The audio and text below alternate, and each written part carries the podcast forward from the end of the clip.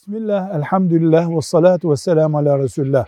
Cemaatle namaz kılarken saflar topuk ve omuza göre dizilir. Parmak uçlarına bakarak dizildiğinde saf düzgün olmaz. Mesela 44 numara ayakkabı giyenle 40 numara ayakkabı giyen aynı safta namaz duyduğun, dur, namaza durduklarında küçük ayakkabı giyen yani ayak boyu küçük olan 2-3 santim ileride durur.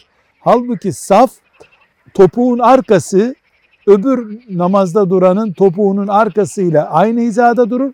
Dolayısıyla omuzlar bitişir, saf dümdüz olur. Parmak uçlarının düzeltilmesi yani parmak uçlarının sırada ölçü alınması safın eğri büğrü olması anlamına gelir ki yanlıştır. Velhamdülillahi Rabbil Alemin.